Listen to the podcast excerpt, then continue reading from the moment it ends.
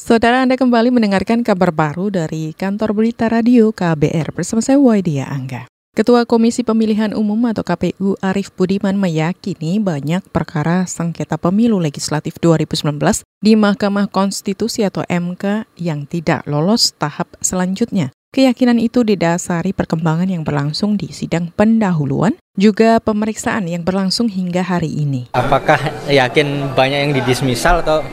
Sepertinya ya macam-macam sih penyebabnya ya ya termasuk yang paling sederhana adalah yang terlambat-terlambat itu itu kan yang pasti apa namanya apa perkiraan kita nanti akan didismiss terlambat ya mas Iya. Putusan dismissal MK nantinya akan menentukan sebuah perkara dilanjutkan atau dihentikan. Putusan dismissal dibahas dalam rapat permusyawaratan hakim atau RPH. Ketua KPU Arief Budiman menyerahkan sepenuhnya keputusan kelanjutan perkara kepada Majelis Hakim MK. Rencananya pekan depan, MK akan mengumumkan perkara-perkara mana saja yang akan dilanjutkan atau dihentikan. Saudara dua kali mangkir dari pemanggilan penyidik KPK, Menteri Perdagangan Enggar Tias Tolukito, menurut rencana bakal hadir Kamis besok untuk memberi keterangan kepada penyidik KPK pemanggilan Enggar terkait kasus suap yang antara lain melibatkan anggota DPR fraksi Golkar Bowo Sidik Pangarso. Selengkapnya kita simak laporan jurnalis KBR Mutia Kusuma Wardani langsung dari Gedung KPK Jakarta. Mutia, silakan laporan Anda. Komisi Pemberantasan Korupsi atau KPK menjadwalkan pemeriksaan untuk Menteri Perdagangan Enggar Tias Tolukita pada Kamis besok. Juru bicara KPK, Febri Diansyah mengatakan pemeriksaan Menteri Perdagangan itu terkait gratifikasi yang berhubungan dengan jabatan oleh anggota DPR dari fraksi Golkar, Bowo Sidik Pangarso. Jadwal pemeriksaan Enggar yang juga politisi nasional Demokrat besok merupakan permintaan yang bersangkutan sendiri, sesudah dua kali mangkir dari pemanggilan penyidik KPK. Dalam pemeriksaan esok, KPK akan mengkonfirmasi pasca penggeledahan yang dilakukan para penyidik KPK di kantor Kementerian Perdagangan pada 29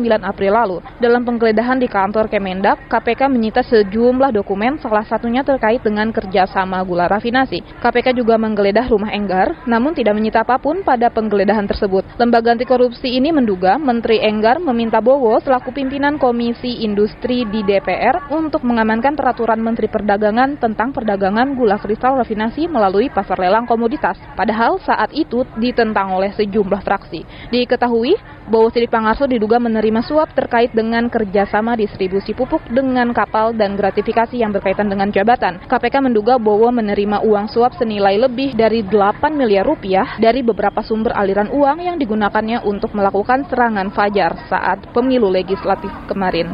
Dari Gedung Merah Putih KPK, Mutia Kusumawardani untuk KBR. Terima kasih rekan Mutia. Kita beralih ke berita selanjutnya. Pemerintah berkomitmen segera menyelesaikan perjanjian perpajakan dengan Singapura. Menteri Luar Negeri Retno Marsudi menyebut perjanjian itu sering disebut tax treaty. Tujuannya untuk menyederhanakan ketentuan pajak di kedua negara termasuk mengurangi pajak ganda. Meski tidak merinci perkembangan pembahasannya, tapi Retno mengklaim negosiasi perjanjian pajak dengan Singapura berjalan lancar. Karena kan bilateral uh, treaty agreement-nya kan lama, kemudian diganti dengan generasi baru dan Singapura termasuk negara pertama di mana kita sudah menyelesaikan investment treaty tersebut yang sekarang sedang dalam proses ratifikasi.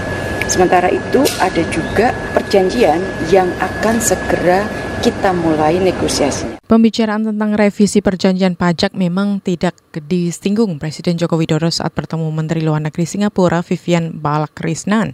Tapi kata Retno, Ditjen Pajak terus berkomunikasi dengan otoritas pajak di Singapura untuk membicarakan revisi aturan yang ditargetkan selesai tahun ini. Sebelumnya perjanjian pajak yang berlaku sejak 1990 itu dinilai lebih menguntungkan Singapura daripada Indonesia. Misalnya aturan tentang investor Singapura yang bisa terbebas dari kewajiban membayar bunga PPH saat membeli obligasi Indonesia. Padahal kebijakan itu bisa menjadi celah untuk menghindari mengemplang pajak. Saudara demikian kabar baru dari KBR, saya Waidia Angga.